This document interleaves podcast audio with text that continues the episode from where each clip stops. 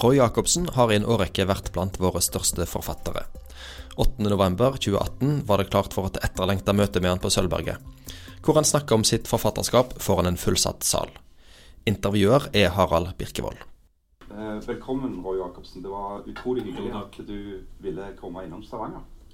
Eh, du er jo en av Norges mest produktive forfatter. Og jeg tenkte òg at du er en av Norges best uh, likte. Du er, står vel i fare for å bli sånn akutt folkekjær. Ja. Um, det er en stor fare. ja. Fryktelig. Det vil jo være forferdelig, selvfølgelig. Men uh, vi kan jo begynne der som, som, som Hilde indikerte at vi burde begynne med, med Barrøy og denne trilogien som ble avslutta med Rigels øyne. Uh, hvorfor, hvorfor var det var det nødvendig eh, å, å, vende tilbake til Helgeland? Og, og, og hvorfor var det nødvendig eh, akkurat når du, når du, gjorde det? Ja, det her blir etterrasjonaliseringer, da. Man vet jo først i ettertid hvorfor eller, eller, Da kan man sitte og snakke noenlunde rasjonelt om hvorfor man gjorde det og alt sånt, men poenget med sånne ideer er at de kommer når de er modne. Men alt dette har jo Det er jo to kilder da vi har til uh, til, stoff, til, stoffet vi driver med som forfattere. Det ene er egne erfaringer, og det andre er andres erfaringer. Man, altså, eh, man tar i bruk egen hukommelse eller eh, eget liv. Møter mennesker man kjenner, tror man kjenner. Eh, og man anvender empati for å forstå noen andre. Og jeg har jo da eh, jeg, Egentlig har jeg to barndommer. Antagelig er det bare en og en halv. Men eh, den ene er da i Groruddalen, og den andre er knytta til Helgelandskysten. Og det har med min mor å gjøre. Hun var en veldig sterk personlighet. sånn at eh, i hjemmet vårt på Årvoll, i denne drabantbyen der jeg vokste opp, så var eh, eh, mytene og historiene og fortellingene om hennes barndom sentrale. Vi hørte mye mindre om faren min sin barndom, f.eks. Og hver sommer så reiste vi til eh, på såkalt ferie til Nord-Norge med en bil som faren min mer eller mindre hadde skrudd sammen sjøl. Det var veldig dårlig råd. Det brukte han hele våren til. Første gang vi var det var en Ford 36-modell på grusveier. ikke sant? Og det var en, det var en lang reise. Det tok tre, tre døgn.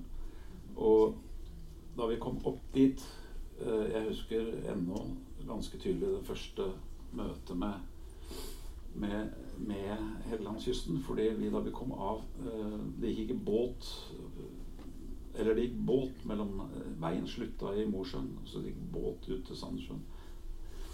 Eh, den het Sjøbussen. Vi tok Sjøbussen til Sandnessjøen. Og så tok vi ferje derfra til Bjørn på denne. Med tredekk. Det var en bilferje der òg. Av en eller annen merkelig grunn. Men vi kom i land på denne. Så gikk vi om bord i bussen. Og der satt han Arthur fra gårda, vet du, som hadde gått på skole med mamma. Og så begynte de å snakke hellandsdialekt, og jeg så på min mor og tenkte at hva i all verden, hvem er det? Hvem er hun? Jeg trodde jeg kjente henne, ikke sant? Et rasjonelt og stabilt menneske, og her så jeg da et helt nytt individ. Og dette som de kalte ferie, det viste seg selvfølgelig å være en arbeidsleir, for vi ble frakta, vi ble frakta til et satt han midt ute på landet et eller annet sted, og så måtte vi gå en kilometer før vi kom til den gården der bestefaren min holdt hus. Og bestefaren min var en, en, en, skikkelse av en annen verden som bør inntrykk på de fleste. Han hadde i løpet av sitt mangslungne liv hatt tre koner, ikke samtidig, men konsekutivt. Han, eh, disse konene hadde brakt inn Han hadde sjøl fem barn med disse forskjellige konene til sammen. Disse konene brakte med seg til sammen ni barn inn i, små barn inn i det ekteskapet. Hans eldste sønn fra første ekteskap gifta seg med eldste inngifta datter. De fikk to, de fikk to barn. Svogeren hans døde, så han måtte ta seg av søstrenes barn. Så vi har eh, fetteren min som er opptatt av eh, slektshistorie, og han har regna ut at er, han, under hans paraply eller hans hender har det da vokst opp 18 barn på dette stedet. Dette her er veiløse brukere. Og det er jo ganske imponerende. Han, var, eh, han sa aldri noen ting. Han sa én ting. Han sa 'nå må du dræge'. Så skulle jeg dra slipsteinen. Og så skulle han slipe da 19 ljåblader. Ikke sant? Jeg var helt gåen. Fordi han skulle tidlig opp når Doggen falt eh, dagen etter, og så slå Mjå. Og så var det Skarvik torv, og så var vi på havet og fiska. og det ene med det andre. Og dette er veldig eksotiske ting, tro meg eller ei, når du kommer fra eh, det moderne Årvoll den gangen. Eh, å få se dette, dette, De hadde fått strøm akkurat Eller de fikk det vel omtrent det første gangen jeg var der. De fikk det 59-60 kom strømmen dit. Så da var det lys, lyspærer i hvert fall. Men det var jo en steinalder, da. Eh, og det er Altså, det første var jo det at dette var jo ikke noe å komme hjem i gata med. Eh, de andre hadde vært i København på zoologisk hage og sånn. ikke sant? Så jeg, hadde jo jeg vært òg, for så vidt. da, Men, men jeg, jeg, noe, jeg kunne ikke komme hjem i gata og fortelle om, om eh, fattigdommen og det rare språket og de rare menneskene og alt det helt spesielle. Hvorfor ikke? Eh, prestisje Det er noe som heter gruppe, gruppedynamikk i en guttegjeng i, som vokser opp sammen i en drabantby. Det er svaret, enkle svaret på det. Eh, og dette var ikke status å kunne bringe hjem den type erfaring, selv om alle på det tidspunktet i det området faktisk var på sånne små, rare steder rundt omkring. Eh, og kom hjem og hadde inntrykk for livet, antagelig. Eh, men, men, det er kontrasten som er interessant, for den gjør at du husker, eller at det fester seg. Og at det blir, en, det blir, en, del av deg. Det blir et referanseområde. Du du får to steder ja, altså, å se forskjellen. Du, har noe å sammenligne med. Uh, og det er noe man i oppveksten er det noe av det, det man bør skaffe seg. Det handler om å utvide territorier og alt med sånt. Se forskjeller. Og det har også innflytelse på hukommelsen. Og som jeg sa innledningsvis, det er uh, i veldig stor grad uh, hukommelsen og eget liv forfatter lever av, enten de bruker det direkte eller indirekte. Enten de skriver virkelighetslitteratur, eller de, eller de lar seg inspirere av det. så ja. Det var vel det du spurte om, var det ikke det? Jeg, jeg antar det. Jeg syns det ville være helt feil å avbryte en så god uh, digresjon. Men, men, det at du da igjen vender tilbake til ja, dette Ja, det var det, ja. Det, er, det var det det var. Tilbakevendingen. Tilbakevendingen. Etter seieren, ja. ja. Til Helgeland jeg har jo ikke beveget meg så mye i dette området litterært sett etter, etter seierheiene. Mm. Eh, eh, og det har ikke vært verken villet eller bevisst eller noe som helst. Men eh, en av disse somrene vi var nordpå, så fikk vi naboen vår Det var en gammel dame. I mine øyne den gangen en gammel dame. Omtrent sånn som jeg er nå. Hun hadde båt som vi fikk eh, låne. Hun tok med meg og søstera mi på havet. Eh, og lærte oss det som man må kunne her i livet. Det er å ro og fiske og sløye fisk og kunne navnene på fugler og på topografiske formasjoner og alt mulig sånt. Hun pekte rundt, pekte rundt og underviste om alt mulig rart. Og så stilte jeg et spørsmål, jeg tror jeg var seks-sju år gammel, om hva er den humpen på horisonten der borte? Og så sa hun uten å snu seg, satt sånn med årene uh, visste hvor jeg pekte, sa han det er det vakreste stedet på jord. Og det er en ganske rar ting å si. Det er i hvert fall såpass rar at jeg huska det. Uh, og jeg huska det til da jeg flytta dit. Jeg har nemlig ikke bare denne barndommen å skryte av. Det, si. det er Eller å skammes over. Uh, jeg har bodd også på Helgelandskysten i hvert fall 10-12 år av mitt liv som voksen. Og da hadde jeg henne som nabo på 80-tallet. Uh, og da ble jeg jo godt kjent med henne. Vi ble gode venner. Og da fikk jeg høre livshistorien hennes. Og det viste seg at denne humpen på havet da, der ute, der hadde hun bodd i 53 år. På en øy midt ute i, i, i skjærgården. Denne historien fikk jeg sånn rundt 1980-1981 da høre av henne. Så knytta det sammen til den opplevelsen fra tidlig 60-tall. Uh, og jeg har vært på denne øya mange ganger og sett på de uh, kår, får vi kalle det det, der ute. Eh, og hun hadde i eh, Hun ble mer eller mindre tvangsflytta derfra sammen med sin tante. Det var to damer. De to siste årene de bodde der ute, så var det bare to damer sammen der. Hun var 53, og tanta hennes var 79 eller noe sånt. Ingrid og Barbro, liksom? Eh, kan du si. Jeg er jo den typen som anonymiserer mine helter. Altså det, er, det, er, det kan vi ta seinere. I alle fall eh, eh, det, det, Men dette er jo en anekdote. Men altså 53 år, det er, det er nesten dobbelt så lenge som Robinson Crusoe bodde på uten samlingen for øvrig. Det er jo en anekdote, og det er ikke nødvendigvis en romanstoff. Men jeg har, jeg har alltid tenkt at i og med at det, det fantes tusenvis av sånne øyer Dette var en del av nasjonens historie.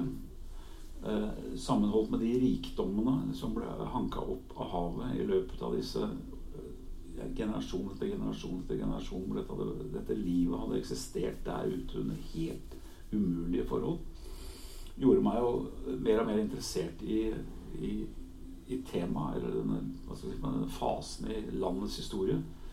Og jeg tenkte at allerede da jeg hørte dette her, da, at hun hadde bare, bare måten det ble, de ble flytta derfra på det, det, det skjedde jo på den måten at folk inne på på Dønna, da, de kommunestyret, sivile naboer kunne ikke se på det lenger. At det satt to damer aleine ute på der. Så de fikk, og Den gangen hadde man noe som heter fraflyttingstilskudd.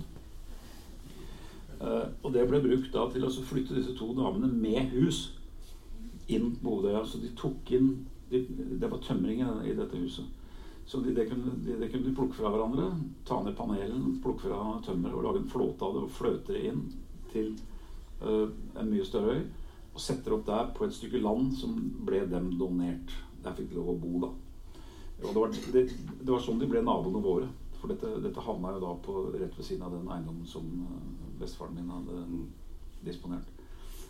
Uh, så jeg tenkte jo på dette, tenkte på dette, tenkte på dette, og det er ofte sånn ideer uh, modnes. Og en dag så hadde jeg plutselig den 19 Kanskje en lørdag ettermiddag klokka halv ett, fem år, halv ett i 1908 så så jeg plutselig for meg en setning som er sånn at på en vindstille sommerdag stiger røyken rett opp.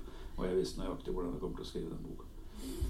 Så jeg pleier å si at det har tatt meg ca. 43 år å lage den. Er, eh, du får jo alltid spørsmål om hvor lang tid bruker du på en bok. Det er, men, eh, og det er sånn det er. Og, men du er jo en Altså etter alle normale mål veldig produktiv forfatter.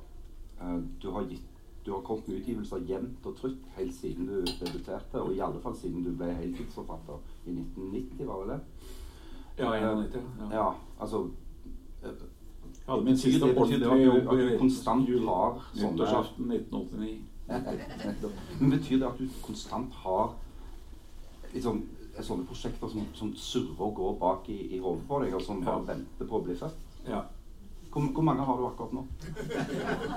Nei, altså det, det, det fine med, med, med, det surret, som du kaller det, det er det at det blir ikke noe ut av det meste av det. det er, så man slipper å, slipper å forfølge alle tåpeligheter. Eh, men det er jo Men, men så, så, sånn er det.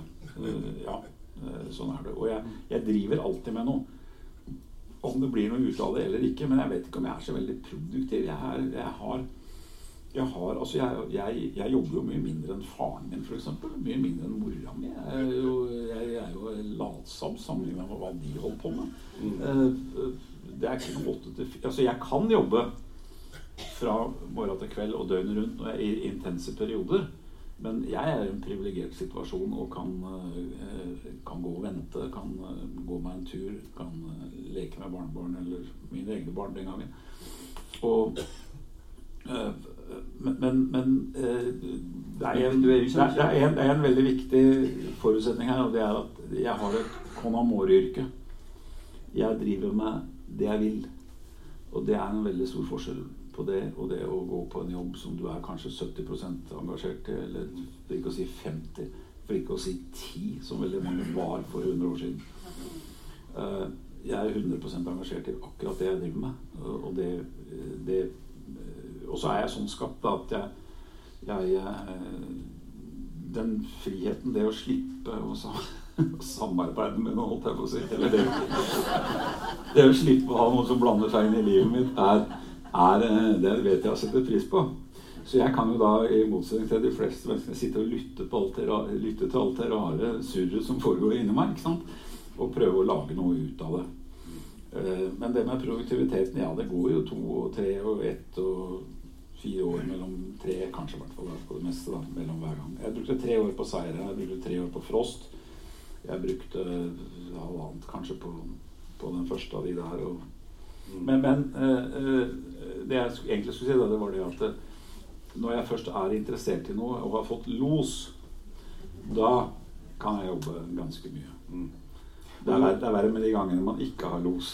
Du har gjort noe litt uvanlig òg altså til deg å være. For du har, du har, skrevet en, en trilogi.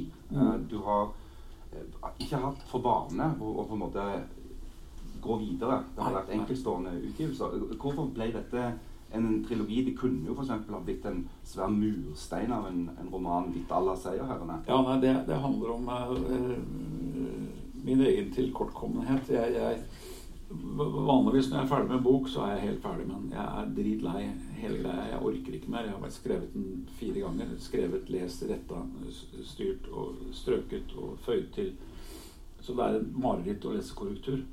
Jeg er så ferdig med bok når jeg er ferdig med bok at jeg ikke tåler å se den igjen. Og vil helst ikke være på opplesninger. Og helst ikke snakke om den, kanskje? Det går heldigvis en måned eller fire mellom eh, min kjære Eva Grøner, redaktøren i Cappelen Forlag, eh, gir sin velsignelse, og boka kommer ut. Så da får jeg tid til å komme til hektene igjen imellom. Men, men det, er, det, er, alvorlig ment, og da har jeg, da jeg, uh, har jeg måttet det er veldig befriende da, å hoppe over til noe helt annet. Et helt annet univers. Gjerne uh, prøve å finne en ny stemme, et annet toneleie. Uh, nytt perspektiv. Temaer. Det har vært ekstremt befriende. befriende. Uh, fra prosjekt til prosjekt opp gjennom he hele historien, helt til jeg skrev det første bindet her. Jeg har ikke noe, sett meg sjøl som noen trilogimann. Det tror jeg egentlig ingen forfattere er. er jo, man har gjerne én trilogi, har man ikke det? Det er ikke mange som har fire trilogier, liksom. Eh, det, nei, tror jeg ikke. Eh, da jeg var ferdig med De usynlige, så tenkte jeg at den er jeg jo ikke ferdig med. Selv ikke engang i disse, denne fasen hvor jeg var, eh, hadde sett, sett hver setning 100 ganger. Så da ble det nummer to. Men da tenkte jeg at det får bli med den. Men da nummer to var ferdig, så var det, var det samme reaksjon da. Så, og det har jo noe med det stofftilfanget jeg, jeg fikk i, i mellomtida å gjøre. Det har noe med ja, det har noe med veldig mange ting. altså det, Ditt personlige liv og interessen din og det at prosjektet eser ut. Uh, så jeg hadde ingen anelse om at uh, da jeg starta på bind 1, at det skulle bli en trilogi. Mm. Jeg hadde heller ingen anelse om at det skulle bli det jeg begynte på på det tredje. For jeg var ikke sikker på om det skulle bli noe. Jeg turte ikke å svare på om jeg holdt på med nummer tre før jeg var over side 70, som Ingvar Ambjørnsen har som sånt vannskille for at du vet når du har en roman, når du ikke har en roman. Du må forbi side 70, sier Ingvar. Da kan du begynne å føle deg trygg. Jeg er ikke helt sikker på om det er side 70 eller 40 eller 80, men det er et eller annet punkt i et prosjekt. Da begynner du å få følelsen av at nå, nå, går, det, nå går det. Nei når jeg lukka eller hadde lest siste side i uh, det siste bindet, altså 'Rigels øyne', så var min, min, første tanke det var Herregud, jeg håper han skriver ett til. Altså, for jeg, jeg, hadde så utrolig lyst til å få Tetralogi. En, ja, ja. Altså, men er, er det slutt nå? Nei da, det er ikke det. Det er Men det er, ikke, det er, heller ikke sånn at det, er liksom, det brenner ikke under føttene mine akkurat i øyeblikket. Det, eh, det, vil si at jeg har jo Jeg kommer nok til å gjøre det. Men jeg vet ikke når. Jeg vet ikke hvordan det blir. Men det er, det er noe med det er noe med den fascinerende historien fra la oss si 1946 og så til Altså i dag Eh, hvis jeg reiser på Helgelandskysten i dag eh, Da jeg bodde her på 80-tallet, så, så, så, var det en, en, depressiv stemning der. Det var, det var trist. Altså Hvis du bygde et hus i 1978 på Herøy, Dønna, Lurøy, Gildeskål, Brønnøy, så sank det i verdi omtrent som en bil i løpet av årene. Sånn er det ikke lenger. Altså eiendoms har, vi har fått, vi har fått uh, det, er, det, er, mye å si om, om oppdrettsnæringen. Men den har, den har gitt kysten en, et nytt boost som er helt fantastisk. Og, uh, uh, og det tradisjonelle fisket denne geniale samarbeidsavtalen som vi har med russerne om torsk, det beste forvaltningsregimet som noen har klart å lage på jordkloden noen gang. Islendingene tar etter, og irene er grønne av misunnelse for at vi har det. Spanjolene har aldri prøvd å ha det. Det, er, eh, det har gitt eh, norskekysten en rikdom også ved siden av den olja som dere kjenner. Som er, det er Norges nest største næring. Eh, I tillegg til at det har vært Norges største næring siden middelalderen. Altså før olja. Så dette området er historisk interessant. Det er interessant for meg personlig. Det er, jeg, jeg, jeg si jeg vanker der oppe. Jeg er i hvert fall to-tre, om ikke fire måneder i året på, i Nord-Norge. Og ikke bare på Helgelandskysten. Jeg, jeg forelska meg helt i Finnmark eh, også. Det har noe med Russland å gjøre og masse andre rare ting. Men, men, jeg er ikke ferdig med verken landet eller litteraturen eller menneskene mine i disse bøkene. eller noe som helst, Men jeg er ikke der akkurat nå. Nå driver jeg med noe annet rart som jeg ikke gidder å fortelle om. Nei, noen hemmeligheter skal du få lov å ha. Ja, jeg må ha det. Uh, men for, for, å si det rett ut Jeg har lenge tenkt at du er en av de Kanskje den eh, forfatteren jeg har lest som, som, er flinkest til å beskrive arbeid. Altså fysisk arbeid. Um, og jeg tenker også at når jeg leser dine bøker, så, så, leser jeg de med at, at, de er skrevet i en slags kjærlighet til arbeid. Selvfølgelig. Uh, hva, hva, hva, betyr altså, arbeid for deg? Nei, det, det er jo man, man, har alltid flere motiver for det man gjør. Altså, det ene motivet er jo det at det er jo ingen i dag som kan arbeide. Det er jo det. Sette på et hus, det er et kunstverk, ikke sant. Det er bare, jeg, står, jeg, jeg, går rundt i Oslo og ser på de nye byggverkene som kommer opp i Bjørvika. Samme hvor stygge de er, alt mulig, bare ser på konstruksjonen. Eh, tenk deg det der, det håndverket. Mm. Det er jo helt fantastisk. Operaen er bygd av jeg tror det er det bare 50-60 forskjellige nasjonaliteter som har bygd operaen i Oslo. Eh, eh, byggeleder der han hadde med en omvisning Eller jeg skreik meg til en omvisning i operaen før den var helt ferdig. Det er båtbyggere fra, fra Sørlandet og Vestlandet. Det er, det er, de beste teknikerne, de beste lydteknikerne. Det er møbelsnekkere. og det er eh, det, det, er en helt fantastisk konstruksjon. Han sier at det er mye mer komplisert å bygge en opera enn å bygge en boligplattform. Tenk på det, dere som er herfra. Men i alle fall, eh, arbeidet, da. Eh, en lovprisning av arbeidet, eller, eller håndverket, det, det, er, det, ligger der selvfølgelig. Uh, men, og det var jo Jeg tror faktisk det var Aslak Sira Myhre som en sa til meg at jeg, jeg tror du bygger, bygger, et hus i nesten hver eneste bok du har skrevet. Og det kikka jeg litt etter. Ja, det stemmer nesten, det. Det var, var ikke så dumt. De spiller sjakk, og de bygger hus. Og jeg har, jeg har da en stor respekt for arbeid. Jeg fusker litt sjøl i snekkerfaget. Og, eh, og eh, f.eks. I, den første der, da, så har jeg veldig stor glede av å beskrive nøyaktig hvordan man setter opp et hus. Mm. Ja. Den type hus. Ja, et naust var det vel òg? Ja, det er en brygge. Det er en stor brygge. Mm. Altså det som uh, i Oslo i Oslo skjønner man jo ikke forskjell på kai og brygge. Men, men, eh, men, det er altså da en brygge. Ja, med et hus på. Mm. Nei, brygga er, er. Ja, altså, vi er på Helgelandskysten. Ja, ja. I, i Rogaland er brygge og naust to forskjellige ting. Ja, Men en naust er noe annet enn en brygge. Mm, ok. Jeg tar, tar litt ord på, Helgeland. Og, og, men det, det, der prosjektet da, med brygga, det, det, er jo òg en eh, Det viser jo veldig godt uh, livsbetingelsene på Barøy. Ja, og den, Fordi det er, ikke, det er ikke, på en måte, det er ikke gjort i en, en, engang. Nei, det og det er bygd eh, delvis på egen erfaring, den, eh, den, beskrivelsen. Jeg vet ikke om dere er fortrolig med den der scenen han refererer til. Men det er altså der far og sønn skal sette opp en brygge, og det går ikke så bra. fordi at de får den opp så den står, reisverket står osv. Litt lite skråsag og sånn, som dere alle vet hva er. Så blåser det hele greia ned, selvfølgelig, i en storm. Det har jeg opplevd med med prosjektet jeg hadde. Jeg har også bygd to hus i dette området. Eh, og så setter de det opp igjen, og så blåser det på havet en gang til. Men de gir seg ikke. De setter det opp, og det står til slutt. Og denne beskrivelsen jo da, eh, er jo da selvfølgelig en det, skal, det, sier jo noe om betingelsene på stedet. Det er De har et lakonisk forhold til det. Fordi det ikke er noen vei ut. Det er ikke noen vei ut av dette livet. Noe, her, her, her, ligger ikke klassereisen som en forutsetning, som den gjorde for meg på Årvoll.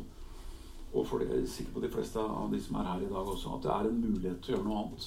Den muligheten eksisterte ikke for disse menneskene. Det huset må opp. Vi kan ikke dra herfra. Vi kommer aldri til å dra herfra. Dette er, vi arbeider for evigheten. Også. eh, derfor så er den Og så har den da eh, eller Denne arbeidsprosessen har da også en helt sånn eh, eksistensiell verdi for å si noe om tiden og mentaliteten. Mm. Ja, og jeg har tenkt en del på det sjøl, for jeg har mine røtter i, i eh, det indre Ryfylke. Suldal og sånne plasser. Og der, en av de tingene som jeg tenkte på som sånn bygutt når jeg kom på, på landet på besøk til slekta, det var det der usentimentale forholdet mange òg hadde til det, de tingene de faktisk hadde utført fysisk. Uh, nei, riv nå den gamle driten. ikke sant? Ja, ja, altså, du, kom, du kommer fra byen, og så vil du gjerne Nei, det er så gammelt og fint. Nei, det er det ikke. Det er gammelt og stygt. Sant? Det må rives, og så må det bygges noe nytt. Eller? Og, og, og det òg var en, var en ting og en øvelse. Skit. Ja, gammel skit. Ja, det fins mange sånne historier. Det er eh, det, det å ta vare på ting er noe man eh, lærer, gjerne generasjonen etter deg lærer. For ikke å snakke om den som kommer etter der igjen. Hvis du hopper over en generasjon, så dukker sentimentaliteten opp. Da dukker nostalgien opp. Da, da dukker alle misforståelsene opp. Alt det der rare man innbiller seg at sånn vil jeg også ha levd. Mens de aller fleste av oss som hadde blitt plassert utover bare hadde daua i løpet av tre uker. ikke sant? Ingen av oss hadde vært i stand til å eh, eksistere i, i, eh, under disse betingelsene. Og det gjaldt faktisk altså hele kysten eh, for to generasjoner siden. Og, og det, det, det enda en dimensjon da, i, i disse tingene jeg driver med. Det er jo det faktum at Norge har vært igjennom en, en omkalfatring som er helt utrolig. Som aldri finnes ikke i historisk sidestykke det vi har vært igjennom, opplevd i fredstid i hvert fall. eh, Nå de siste 50-60-70 årene. Eh, landet er totalt forandra. Det er ugjenkjennelig. Hver gang jeg- opplever det, eller ser noen nyheter som også i mine øyne er mer pussige enn verdifulle. Nå tenker jeg på faren min. Hvordan hadde faren min sett ut hvis han hadde fått en regning på en kafé som ser sånn ut som en regning ser ut i dag? Med den prisen, med den maten, med de husene, med den atferden, med internett, med alt dette. ikke sant? Altså, totalt omkalfatra landet. Og som vi ikke glemmer. Og da dukker jo også opp dette med det sentimentale og nostalgiske opp som en sånn understrøm her. Uh, så det kan godt hende det kommer altså Vi hadde jo såkalt allerede på 70-tallet noe som såkalt for grønn bølge. Jeg vet ikke om du er eh, fortrolig med det her? Steinar, vet dette hva jeg snakker om nå? Vi er jo en del av den grønne bølgen.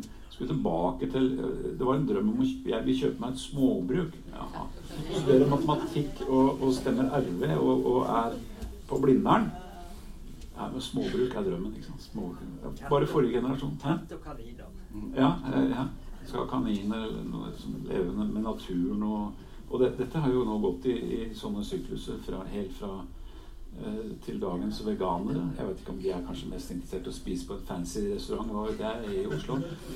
Men eh, denne, denne, denne understrømmen Det er noe alvor i det. Det handler om at det er en slags bevissthet om det er noe som har gått tapt. Og at det er kort tid siden at folk levde helt annerledes. Det, akkurat det siste er jeg, ikke, er jeg ikke sikker på om det er en bevissthet om.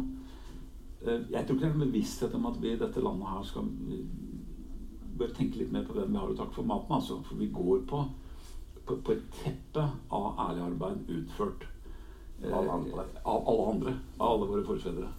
Det er, det er pappa, bestefar og bestemor og eh, alle disse andre heltene som er Det er dem vi har å takke. Det, den bevisstheten er jeg, ikke, er jeg ikke så sikker på er der. Men nostalgien er der. Og sentimentaliteten og drømmen. Og gjerne knyttet til en eller annen ideologi også, om at det er sånn vi egentlig burde leve osv. Det, men det, det, Ja, men det, jeg syns det der er kjempeinteressant. Jeg har, jeg har sjøl hatt uh, stort utbytte av å for snakke med min egen mor, som er født i 1941 ja. her i denne byen. Uh, hun kom fra en relativt uh, ja, lavere middelklasse, vil jeg si. Men hun gikk i klasse med folk på skolen som ikke hadde gulv i huset hjemme. De hadde jordgulv på Kallhammeren i Stavanger. Uh, to generasjoner, eller det er egentlig bare én i forhold til ja. meg, to i forhold til mine barn. Eh, men så tenkte jeg på dette med altså den, den historiske dimensjonen i, i det du skriver. Som i seierherrene, altså den fortellingen om spranget ut av dette agrar- og proletarsamfunnet og inn i en tid hvor, hvor eh, folk flest fikk innflytelse over sine egne liv. Og den fortellingen om, eller den historieforståelsen som, som tar utgangspunkt i at du, du, går hele tiden fra noe som var litt verre, til noe som er litt bedre. Det stiger. Eh, jevnt og trutt framover mot en fantastisk framtid. Eh, nå står altså, vårt samfunn, sosialdemokratiet, eh, de liberale demokratiene, i en, det som mange vil si er en slags brytningstid. At eh, disse disse evige verdiene var, er under press på en måte som kanskje ikke har vært på en stund. da. Er, er, det da òg viktig å på en måte fortelle den historien på ny, om hva som faktisk ble oppnådd? Uh, uten å ta stilling til spørsmålet om hvor vi går hen, så tror jeg det er viktig i debatten om hvor skal vi hen, eller hva skal vi gjøre, hva er ålreit å gjøre i morgen hvilket parti er ålreit å stemme på, hva er ålreit å mene, er, hvordan, er det, hvordan, er det, greit å organisere seg i framtida. At man som et bakteppe har en bevissthet om hvor man kommer fra. Det tror jeg er, det, det tror jeg er vesentlig, og det er det som er mitt oppdrag. Jeg har, jeg har massevis av ideer om, om, om, hvordan det ser ut i verden i dag og alt dette, men, men eh, jeg er alltid tilbakeholden med å foreskrive noen resepter for hvordan vi bør hvor vi skal hen. Mm. Men du har kanskje noen tanker om hvordan vi forstår historie? Er, den er for dårlig uh, uh, generelt sett. Men det, det, antar jeg at gamle mennesker alltid har sagt. Mm. Så det er ikke noe nytt i det. Uh, men poenget er jo å gjøre det interessant. da Altså å få, få, få unge mennesker til å, til å skjønne hva mamma og pappa og besteforeldrene deres har opplevd osv. Og, og kanskje særlig i det, de brytningstidene vi har hatt. For det, jeg, i motsetning til deg, så tror ikke jeg det store bruddet er nå. Altså det store teknologiske bruddet er nå. Vi har alle lest, eh, eller mange av oss har lest Yuval Hararis uh, 'Sapiens', 'Humankind'. Uh, Homodeus. Ja, Homodeus. Uh, og, og, og, vet hva slags perspektiver vi eller, aner noe av, horisonten, av horisonten.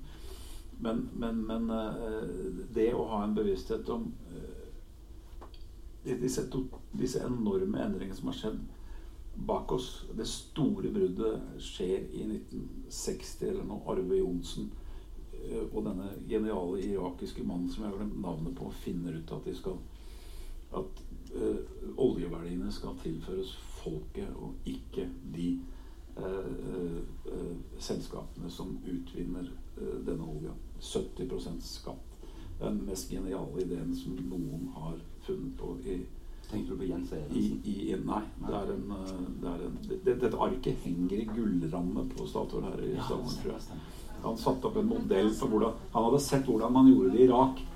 Eh, noen kan sikkert navnet hans. Anon ja, anonym mann uh, holdt seg i bakgrunnen hele tiden. Han hadde sett hvordan dette ble gjort under, under Saddams forgjengere i, i, i, Irak. Hvordan alt sammen ble rana ut. Bananrepublikk. Sånn som fisken ble frakta ut av Norge i, i tusen år før dette. Plutselig så får man den ideen. Nei, nå skal de, verdiene skal akkumuleres her. Det tilhører folket. Mm, fantastisk idé. Arve Johnsen burde stått på gullsokkel foran, uh, foran Kontroversiell mann for øvrig. Uh, burde stått på gullsokkel foran foran Stortinget. Om, om, en generasjon eller to så skjønner man kanskje mer av det. Da er han der.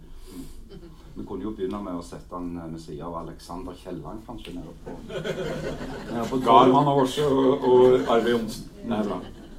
Eh, men altså, i, for å vende litt tilbake til, til selve da, det litterære eh, forelegget, så, så, er det jo sånn at i, i denne trilogien så er det òg en, en, historisk fortelling Eh, som bygger på en helt faktisk historisk hendelse.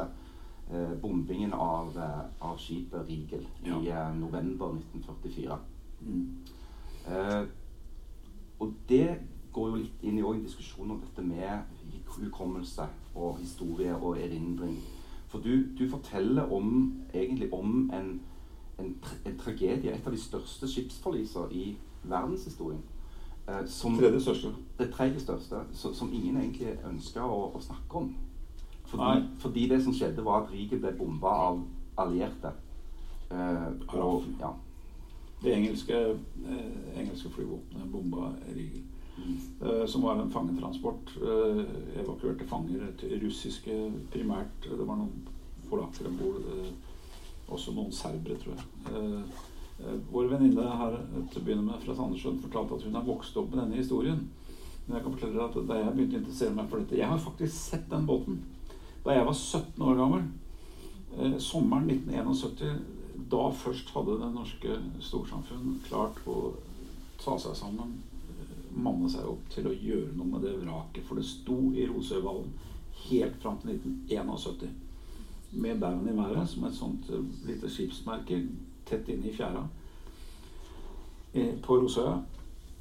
Da tømte man skroget. Da fant man 1110 hodeskaller inni den båten. Russiske krigsfanger, slaver, slavearbeidere, maltrakterte, mislykte mis, de mest ulykkelige menneskene på jord. Eh, som eh, kanskje noen i området, du blant annet, og en del av de kjøtta, de som bor på Kjøtta, selvfølgelig visste om det sånn. Men jeg gikk inn i en bokhandel i Sandnessjøen for ja, 15-20 år siden og spurte etter den boka til Trond Karlsen om Riel-katastrofen. Den eneste historiker Han er ikke historiker, han tror han er lærer egentlig opprinnelig. Journalist og lærer. Eh, kan jeg få den? Riegel, hva er det? Nei, jeg hadde aldri hørt om den boka. Så jeg ringte selvfølgelig til forfatteren og sa det at jeg må ha den boka. Og sa han ja, den hadde jeg måttet gi ut på eget forlag. Og den er utsolgt. Ja, men du har jo noen eksemplarer hjemme. Ja, jo, han var litt påholden der. her Men eh, jeg, jeg, sa det at kan ikke jeg få den, og så får du noen av mine. Jeg må ha den. Og den var jo selvfølgelig å få på Eller ikke selvfølgelig heller. altså i Alle biblioteker har jo ikke, har ikke den boka. Det var ikke noe innkjøp på den. Men den var jo tilgjengelig eh, på et vis, da. Men så tungt var det. det Samme opplevelsen av det i Mosjøen, Mo i Rana. Det er bokhandler der òg. Eh, og eh, en god venninne av meg, eh, bibliotekar på denne, hun sier Riegel har jo aldri Alle har hørt om, om Riegel. Nei, de har ikke det. Jeg foretok nemlig en, en, en sånn Det er anekdotisk, selvfølgelig. Men jeg spurte da folk i historikerkretser og såkalt intellektuelle kretser som, som som morsomhet over en øl eller når jeg møtte på gata eller hvor som helst. Har, har du hørt om Riegel? Tor Boman Larsen hadde aldri hørt om Rigel for fem år siden. Eller før jeg skrev den boka. En av Norges fremste formidlere av, av Norges historie. Eller av vår, vår historie. Dette er, og, og, da er jo Nå skal jeg prøve å holde meg til spørsmålet han stilte. Eh, poenget er da hvorfor er dette glemt? Hvorfor husker du noe, og hvorfor husker du ikke noe annet? Og Da kan man stille opp en del ting.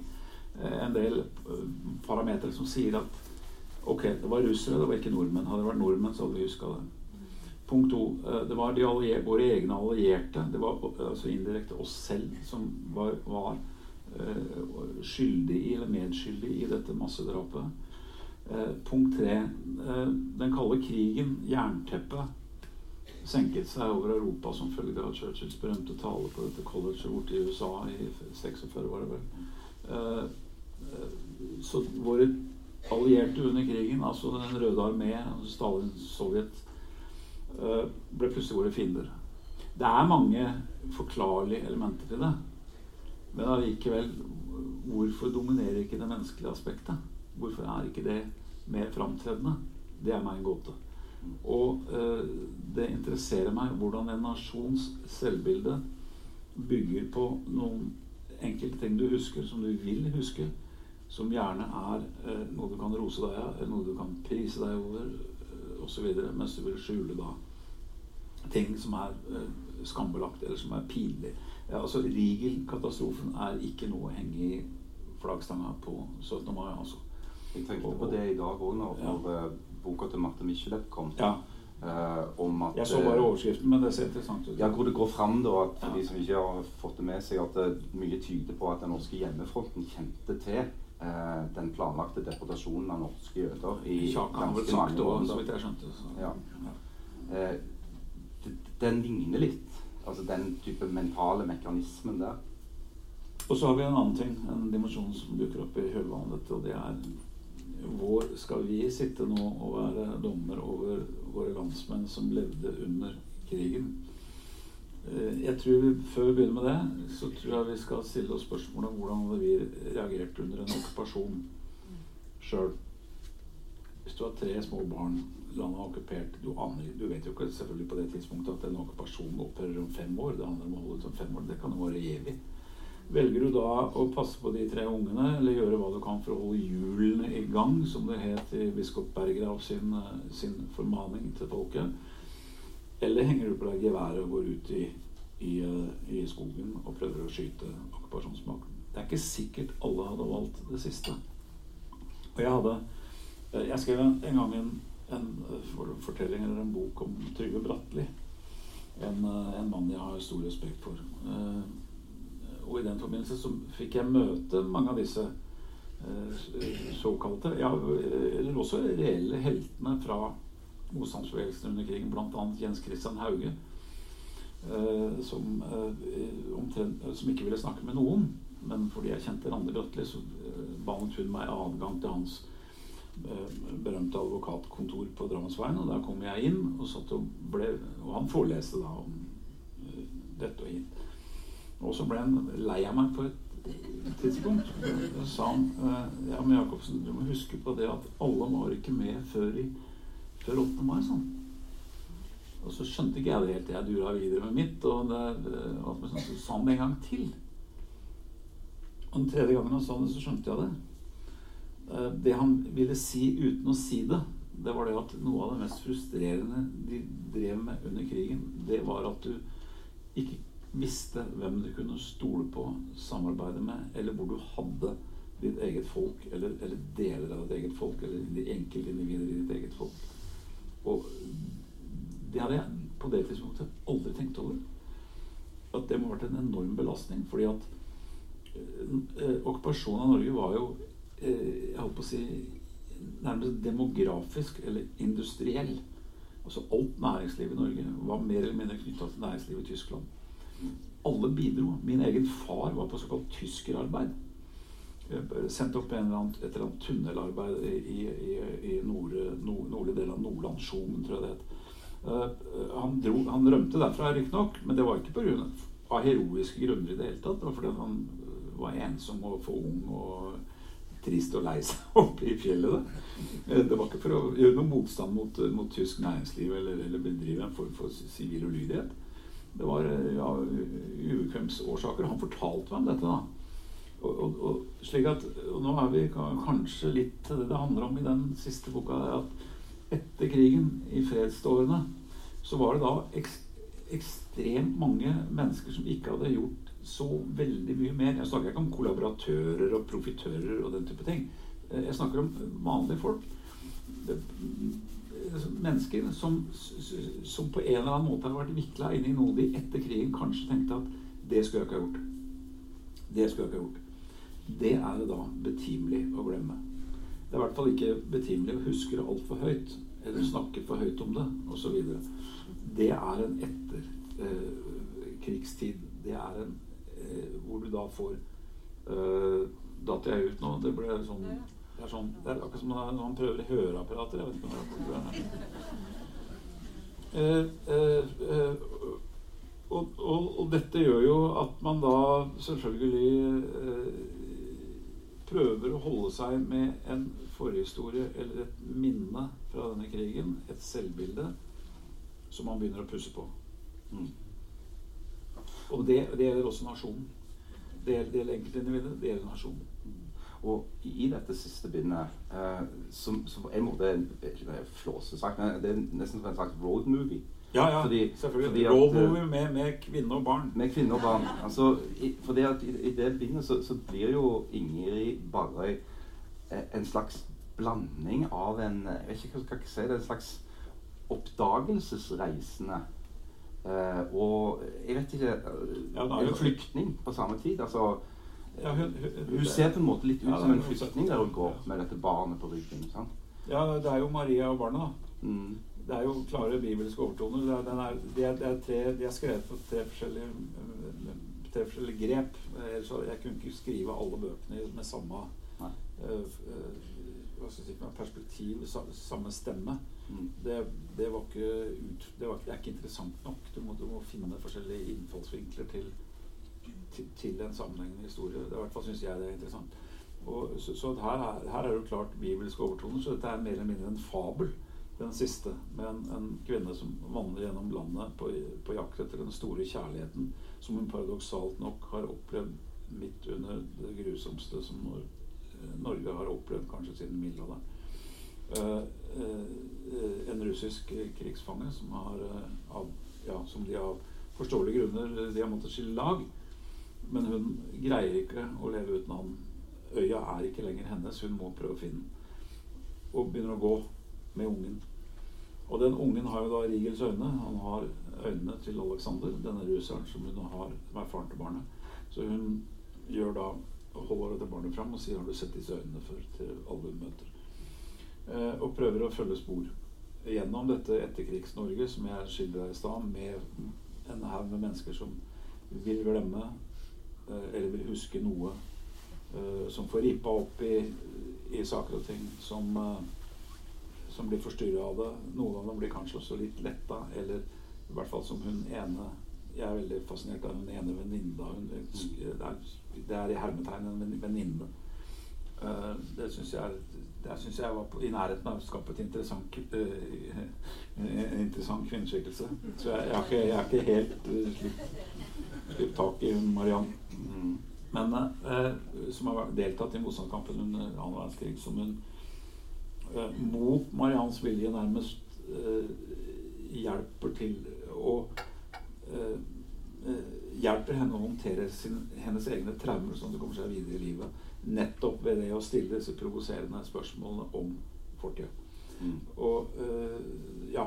Det er, det er, det fabelen da handler om. Den er skrevet på en realistisk måte. Det er, jeg må alltid holde meg innenfor visse regler. Det er realistisk fabel, den siste. Mm. Ingrid er òg, iallfall sånn som jeg leser boken, en, en, eh, en ganske komplisert uh, unge dame.